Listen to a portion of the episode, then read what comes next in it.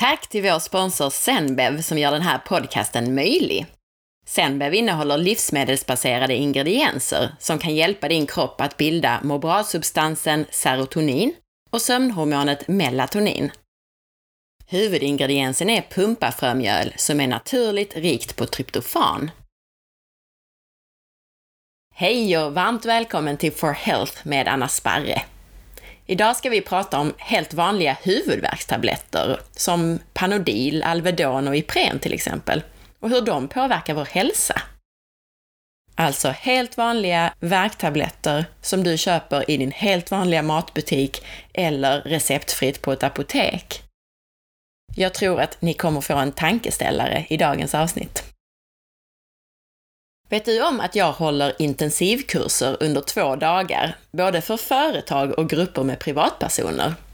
Så är ni en grupp som vill spendera två dagar tillsammans och lära er om kost och hälsa, så läs mer om det på forhealth.se hälsohelg. Både företag och privatpersoner är varmt välkomna till den vackra fiskebyn Kåseberga på Österlen under två dagar när det passar er. Schemat kan anpassas efter era önskemål och ni kan utan extra kostnad använda lokalerna resten av dagarna för egna möten om ni planerar en konferens till exempel. Så gå till forhealth.se hälsohelg. Och glöm inte heller att boka mig som föreläsare. Och är du nyfiken efter avsnittet så hittar du mer information på forhealth.se. Jag blir dessutom jätteglad om du vill dela med dig av det här avsnittet på Facebook eller Instagram, eller kanske till en vän. Stort tack på förhand, och nu kör vi! Idag ska vi alltså prata värktabletter i sin mildaste form. Tabletter och preparat som till exempel Alvedon och Panodil som marknadsförs som snälla och som ska vara särskilt passande för spädbarn och gravida. Men ni kanske kommer att ändra uppfattning efter att ha lyssnat idag. Flytande Alvedon står i skåpet där vi har barntermometer, pipetter och annat som kan vara bra att ha om vårt lilla barn blir sjukt. Alvedon blev vi, liksom de flesta andra nyblivna föräldrar, rekommenderade att alltid ha tillgängligt till den lilla bebisen om barnet skulle drabbas av hög feber eller få ont eller när tänderna börjar komma fram till exempel. Men det här avsnittet ska inte handla om barn. Det är bara en inledning och en tankeställare som jag vill att ni har med er under avsnittet idag. Idag ska vi prata om dina vanliga huvudvärkstabletter som du köper i din helt vanliga matbutik eller receptfritt på ett apotek. Paracetamol, som är det verksamma ämnet i Alvedon och Panodil och en hel del andra värktabletter, det har rykte om sig att vara snällt och säkert att använda. Men vet du vad? Bara du väljer att ta dubbel dos så kan du få allvarliga leverskador av paracetamol. Visste du det? I studier får en tredjedel av friska personer som äter maxdosen av paracetamol i två veckor förhöjda levervärden i blodet. Det vill säga det som händer, det är att leverceller tar skada och då kan man uppmäta förhöjda värden av leverenzymer i blodet. Detta kan potentiellt ge bestående skador på levern. Det har varit känt ända sedan 60-talet att paracetamol kan skada levern och förpackningarna har en finstilt varningstext som lyder Högre doser än de rekommenderade ger inte bättre smärtlindring utan medför istället risk för mycket allvarlig leverskada. Det som händer är bland annat att en av nedbrytningsprodukterna från paracetamol i kroppen, alltså en metabolit, ett ämne som kallas NAPQI, utarmar levern på en mycket viktig och mycket stark antioxidant, glutation. Ja, det var det där svenska uttalet av det, men glutathion på engelska i alla fall. Och det skadar leverns celler när det här utarmas. I en artikel som jag refererar till på forhealth.se så uttalar sig barnläkaren Inge Axelsson och säger att paracetamol hade inte godkänts som läkemedel om det togs fram idag. Den dos som lindrar värk och feber är precis på gränsen till giftig dos. Och det finns ingen annan vanlig medicin som har ett så smalt så kallat terapeutiskt intervall. Paracetamol är ett av våra mest använda läkemedel och Alvedon är Sveriges mest köpta värktablett. Just den som rekommenderas inom sjukvården. Vi knaprar den mot allt från bakfylla till feber och värk. Och inte minst så blir vi rekommenderade att ta just paracetamol för att lindra värkarna när vi föder barn, eller om vi mår dåligt när vi är gravida. Och då ska man veta att paracetamol ger fosterskador. En dansk studie av 47 000 kvinnor som fött pojkar tyder på att paracetamol kan ge missbildningar. Av kvinnorna så hade ungefär hälften ätit tabletter med paracetamol och den andra hälften hade inte gjort det. De mammor som hade tagit smärtstillande medel med paracetamol löpte 30% högre risk att få barn med missbildningar på könsorganen. Forskningen visar att paracetamol, alltså Alvedon och Panodil med mera, kan störa hjärnans utveckling. Bara under 2014 så publicerades tre studier som visar att om vi utsätts för paracetamol som barn eller foster så kan vi störa hjärnans utveckling. Ger man två doser paracetamol till musbarn så blir följderna hyperaktivitet och koncentrationssvårigheter när mössen blir vuxna. Och de får sämre resultat i minnestester som vuxna. Efter två månader så hade paracetamolmössen i en svensk studie sämre anpassning till nya miljöer och svårare att lära sig saker än jämförelsegruppen. De möss som hade fått paracetamol under hjärnans snabbaste utvecklingsfas, kring 10 dagars ålder, fick också sämre smärt och ångestdämpning av läkemedlet senare i livet än möss som fick paracetamol först när de hade blivit vuxna. Det är också ökad risk att barn får ADHD om deras mammor har ätit paracetamol under graviditeten. Och det är också större risk att de får astma om mamman ätit paracetamol. Och barn som har fått paracetamol vid feber, de löper större risk att få astmabesvär senare, efter detta alltså. Just den här effekten när det gäller astma, det har troligen en koppling till att paracetamol minskar den här antioxidanten som jag nämnde innan, den här viktiga kroppsegna antioxidanten glutation eller glutathion. När glutation minskar i luftvägarnas slemhinna så ökar astmabesvären nämligen. Man ser också att astma ökar i samhället parallellt med paracetamolanvändningen. I USA så avråder man därför ibland kvinnor och barn från just paracetamol om man har astma eller ADHD i släkten sedan tidigare alltså. När paracetamol infördes mot smärta vid omskärelse av nyfödda pojkar så ökade helt plötsligt förekomsten av autism i USAs delstater och i flera länder i proportion till andelen omskurna pojkar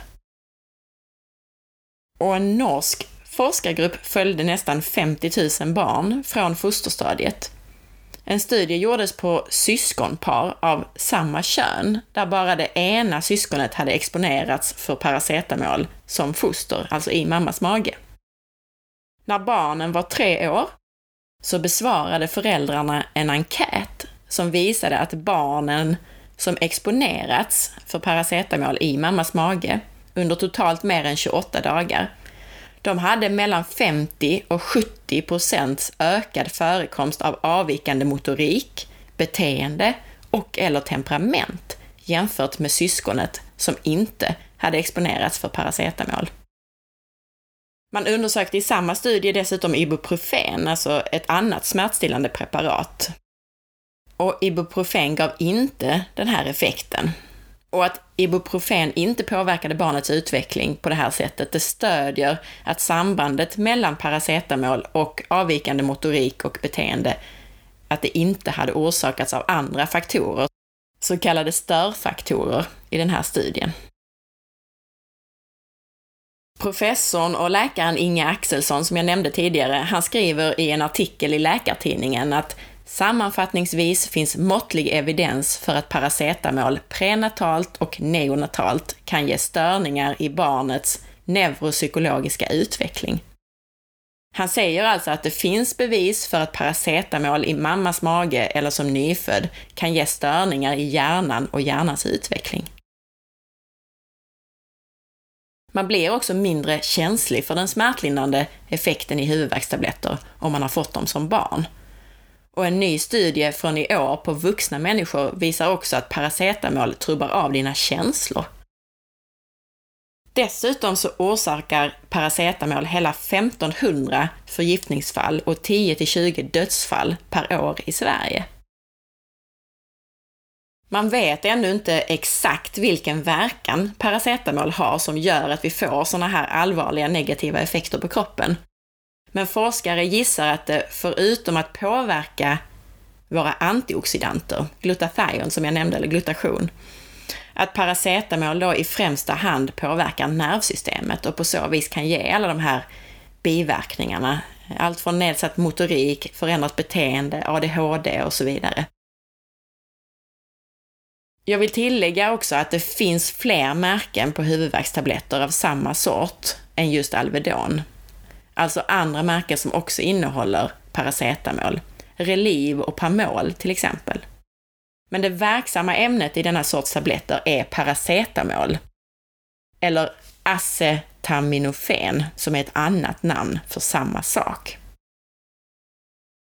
Jag vill också säga det att nu har jag ju fokuserat på paracetamol, men det betyder inte att Ipren, alltså Ibuprofen, eller acetylsalicylsyra, som i Treo till exempel, skulle vara bättre. Båda de här ämnena, Ibuprofen och acetylsalicylsyra, kan ge akuta biverkningar på fosterutvecklingen om man skulle ta det som gravid till exempel. Det är inte meningen att bara skrämma er med det här avsnittet, utan att ge er något lösningsförslag. Men jag tror att lösningen är att bli mycket mer restriktiv med värktabletter. Vi är nog lite för rädda för feber och värk också generellt. Febern har ju en funktion. Man blir inte friskare för att febern sänks med värktabletter, snarare tvärtom. Djurstudier visar till exempel att antibiotika bekämpar bakterier bättre när vi har feber. Jag rekommenderar inte heller antibiotika i onödan, men det här sambandet ger en indikation på att kroppen troligen bekämpar inkräktare bättre vid feber. Feber är i sig inget sjukdomstillstånd, utan ett symptom och ett tecken på att immunförsvaret är aktiverat. Så det är inte febern som är själva sjukdomen. Feber är, så länge den inte är extremt hög, inte farlig, inte skadlig och behöver vanligen inte behandlas. Allt fler forskare säger till och med att man inte bör behandla feber just eftersom febern fyller en funktion i immunförsvaret. Det är viktigare att hitta orsaken till febern och eventuellt behandla orsaken än att behandla symptomet feber. Febern är också en signal från kroppen att ta det lugnt. Och ger vi då barn febernedsättande så kanske de blir mer aktiva än vad de borde vara vid en infektion i kroppen. Så som jag sa i inledningen, detta är alltså inte bara det vi knaprar var och varannan dag mot allt från spänningshuvudvärk till mensvärk. Det är också det som vi ger till spädbarn och gravida. Var mycket restriktiv. Tänk också på att alkohol och annat som påverkar levern ökar risken för skadorna av värktabletter. Och var särskilt försiktig till barn och gravida. Måste man ta någon värktablett under graviditet så är det tyvärr bara paracetamol som finns som vettigt alternativ. Men ta då en liten dos och så sällan som möjligt eftersom skadorna av paracetamol är så himla dosberoende. I främsta hand, fundera över varför du får värk och huvudvärk. Stressar du? Sover du för lite? Gör någonting åt det först. Har du inflammation som ger dig värk, så ändra kosten. Ta bort sånt som skapar inflammation, som vegetabiliska oljor i för stor mängd eller socker och mjöl och annat som vi har pratat om i tidigare avsnitt. Byt ut köttet från spannmålsuppfött kött till vilt, mer fisk, ägg och så vidare. Värktabletter bör bara användas i liten dos vid kortvarig intensiv smärta för att du inte ska skada din hälsa.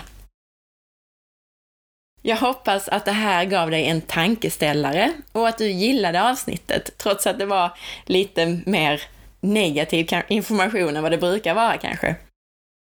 Men jag tyckte att det var viktigt att ta upp det här. Hoppas att du också gjorde det.